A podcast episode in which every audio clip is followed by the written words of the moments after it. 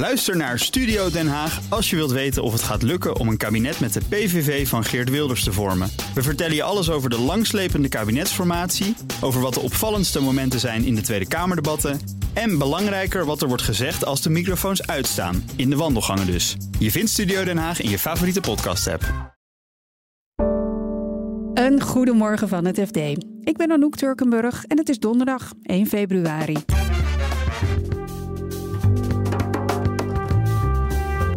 ABN AMRO moet miljoenen gaan betalen aan veroordeeld fraudeur Frank H. Dit is een hele gekke situatie. Die man is veroordeeld. Maar in Nederland wordt hij in het gelijk gesteld. Er gaat een streep door de vliegvakanties vanaf Lelystad. Schiphol zal dan wel geconfronteerd worden met een jaarlijks terugkerend verlies van toch al snel iets van 10 miljoen per jaar. En het medicijn tegen een burn-out bestaat al, maar dat kent we wel een prijskaartje. Een diëtist en sportcoach kost allemaal heel veel geld, maar uiteindelijk betaalt dat zich dubbel en dwars terug.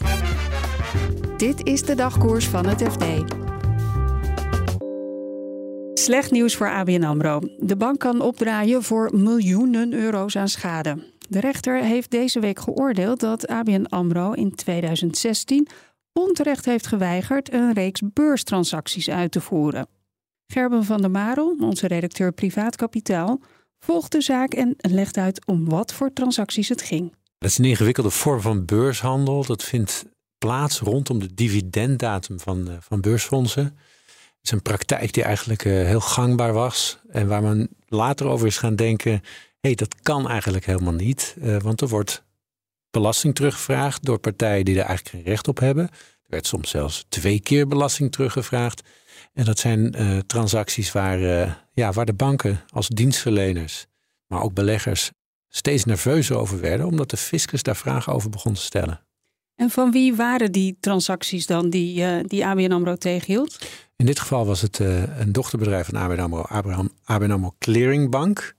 Die kreeg eigenlijk in 2016, begin 2016, een ja, slecht gevoel bij bepaalde transacties van een voormalig oud-directeur van de eigen bank.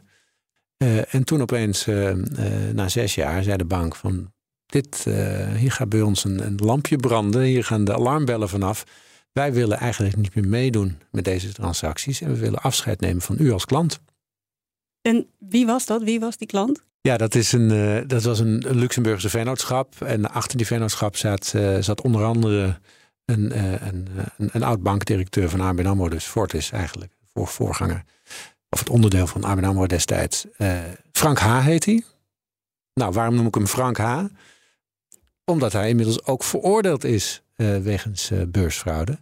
en dat is gebeurd in, in Duitsland afgelopen november. Hij is de, eigenlijk de eerste medewerker, oud-medewerker van de, van de Nederlandse bank... die daar voor de rechter is gedaagd vanwege illegale vormen van dividend, beurshandelfraude. Noem het dividendarbitrage of het dividendstrippen wordt het ook wel genoemd. En hij zit erachter. Dus het is een hele gekke situatie. Die man is veroordeeld. Drie jaar cel. Drie jaar, eh, drie jaar en drie maanden cel.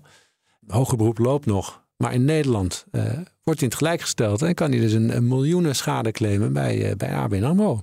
De rechtbank zegt dus nu van nou ABN AMRO, jullie hadden die transacties niet mogen tegenhouden eigenlijk. Waarom zegt de rechtbank dat? Ja, strikt genomen zegt, uh, het is eigenlijk het Hof dat het zegt. De rechtbank had, uh, had uh, eerder ABN AMRO Clearingbank gelijk gegeven.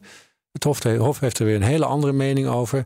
En die zegt eigenlijk vooral, ja, in principe kan je altijd wel als bank of als financiële instelling de relatie beëindigen. Als je denkt van, nou, het is tijd om dat te doen. Of je hè, vertrouwt bepaalde transacties niet. In dit geval is de bank gaan twijfelen en hebben ze gezegd, ja, er moeten inderdaad nog wat transacties afgewikkeld worden. Dus we geven je tot de zomer van 2016 om uh, die handelspraktijken door te zetten, voor te zetten. En daar zijn ze weer op teruggekomen. En daarvan zegt het Hof, even los van de aard van de transacties, hoeveel vraagtekens ze ook opriepen. Als je dat contractueel afspreekt, dan moet je ook daaraan houden. En met als gevolg nu dat die man die transacties niet heeft kunnen uitvoeren, schade heeft opgelopen, zegt hij. Uh, uh, en, en, en dat had, had de bank niet mogen blokkeren. En wat zegt ABN AMRO daar nu zelf over? Ja, bekende reactie. We, zijn, we bestuderen het arrest en overwegen een hoger beroep. Dan moeten ze naar de Hoge Raad.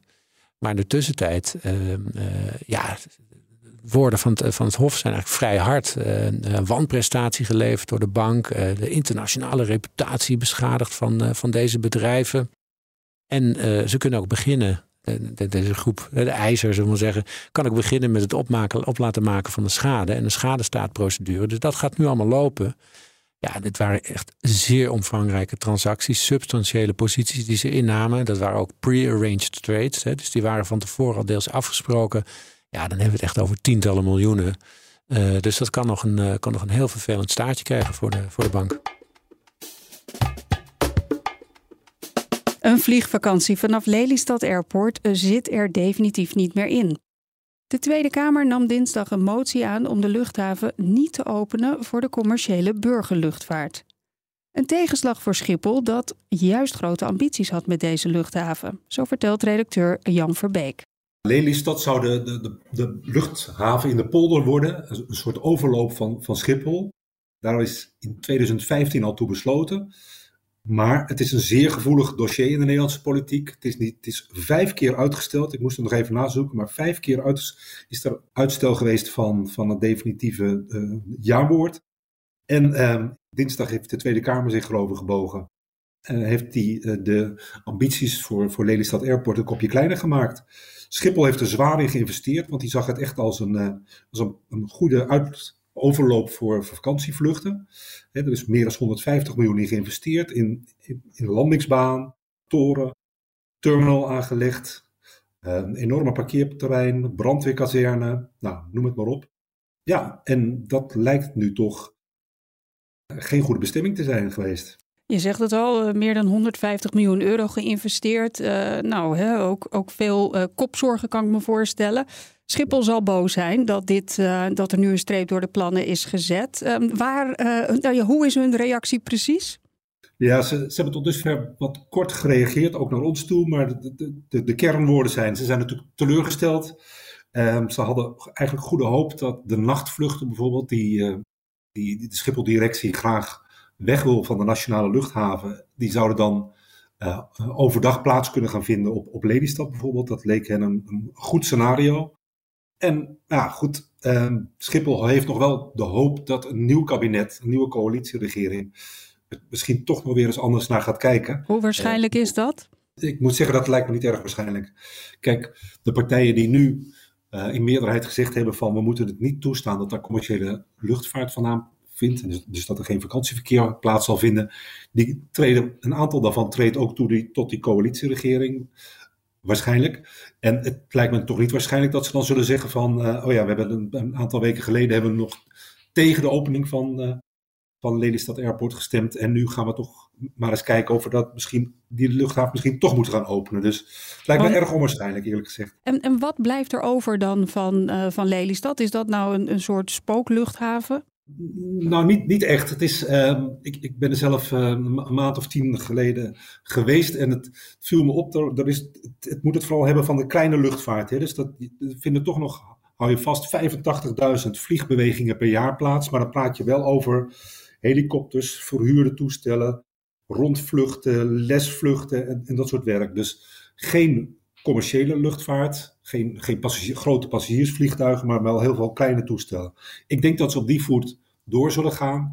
Maar, ik zeg er wel nadrukkelijk bij, um, de exploitatie is op die manier nooit rond te krijgen. Dus de eigenaar, Schiphol, zal ja, dan wel geconfronteerd worden met een jaarlijks terugkerend verlies van, um, nou, ik, naar mijn idee, toch wel snel iets van 10 miljoen per jaar. Dus dat is niet een situatie die lang kan voortduren.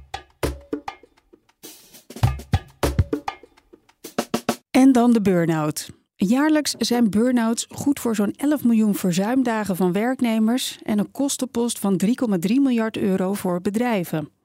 Softwarebedrijf AVAS gaat nu andersom met zijn werknemers om stressklachten te voorkomen en sneller aan te pakken. Redacteur David Kabel dook in hun methode en legt uit wat het bedrijf anders doet. AFAS is actief betrokken bij het herstel van werknemers. Veel andere bedrijven zeggen, ga maar lekker naar huis, uh, rust goed uit. En dan zien we je misschien wel weer over vier weken. En wat AFAS doet, is meteen een plan opstellen. En daar is dan een sportscoach bij betrokken, eh, eventueel een psycholoog, eventueel een diëtist. Waar ze kijken van wat kunnen wij doen om de werknemers zo snel mogelijk weer uh, goed in zijn vel te voelen. En dat werkt ook? Ja, ja, ik heb met bedrijfarts gesproken en die uh, zeggen dat het uh, minder verzuim is bij AFAS. Dus minder mensen vallen uit. En ook als mensen uitvallen, dan zijn ze weer sneller op de been. Oké, okay, uh, AFAS is één bedrijf. Wat, wat zeggen experts van hun aanpak? Ja, dat het dus heel goed is om actief gewoon dat gesprek aan te gaan met de werknemer. Dat heel veel bedrijven reageren krampachtig als iemand uitvalt. Nu durven dan eigenlijk nauwelijks meer vragen hoe het gaat. En heel af en toe bellen ze misschien. En wat AFAS doet, is dus uh, voortdurend vragen: wat kunnen wij doen om jou te helpen? En ik heb ook gesproken met iemand van AFAS die is uitgevallen. En zei dat ze dat juist heel prettig vonden, dat ze heel veel begrip ervaren. En, ze voeren het nooit eens druk om zo snel mogelijk terug te komen, maar wel als begrip voor haar situatie. En daardoor was ze juist extra gemotiveerd om aan zichzelf te werken en kon ze dus ook eerder terugkomen. Is die aanpak die AFAS dan uh, hanteert, hè, dus wat dichter erop zet, uh, zitten, is dat haalbaar voor, voor andere bedrijven? Of zijn er bijvoorbeeld ook heel veel kosten mee gemoeid? Die vraag heb ik ook gesteld. Ja, natuurlijk een diëtist, een sportcoach, kost allemaal heel veel geld. Ja, eigenlijk zegt het bedrijf als een, een uitgevallen werknemer kost ontzettend veel geld. Enkele honderden euro's per dag. Dus dan geld investeren in preventie, dat lijkt heel veel, maar uiteindelijk betaalt dat zich dubbel en was terug. En zijn er ook dingen die misschien uh, minder geld kosten en die je als bedrijf ook uh, goed kunt toepassen? Ja, ja, de experts die ik heb gesproken zeggen als leidinggever moet je het gesprek aangaan met je werknemers en gewoon vragen van als, als je merkt dat iemand een beetje geprikkeld is of dingen te laat inlevert van gaat het wel goed met je? En volgens hen is ook elke leidinggevende daar wel echt toe in staat. En vaak wordt er gedacht van ja, res, uh, leidinggevenden zijn resultaatgericht en wat minder goed in sociale vaardigheden. Maar uh, volgens de experts die ik sprak, kan elke leidinggevende dat ook wel. zijn ook cursussen om leidinggevenden te helpen. En ook ja, op dat vlak, het kost relatief weinig tijd en geld, zijn heel veel stappen te maken en kan dus een groot aantal uh, burn-outs worden voorkomen.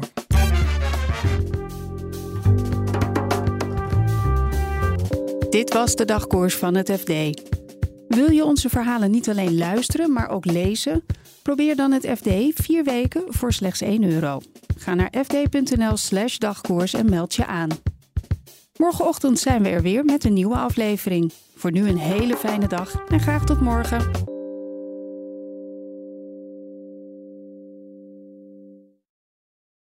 Ook Liesbeth Staats vind je in de BNR-app. Ja, heel handig. Luister live naar Kees en mij tijdens de Daily Move. Dan blijf je ook gelijk op de hoogte van breaking news en het laatste zakelijke nieuws. En daar vind je ook alle BNR-podcasts, waaronder de Perestrooikast. Download nu de gratis BNR-app en blijf scherp.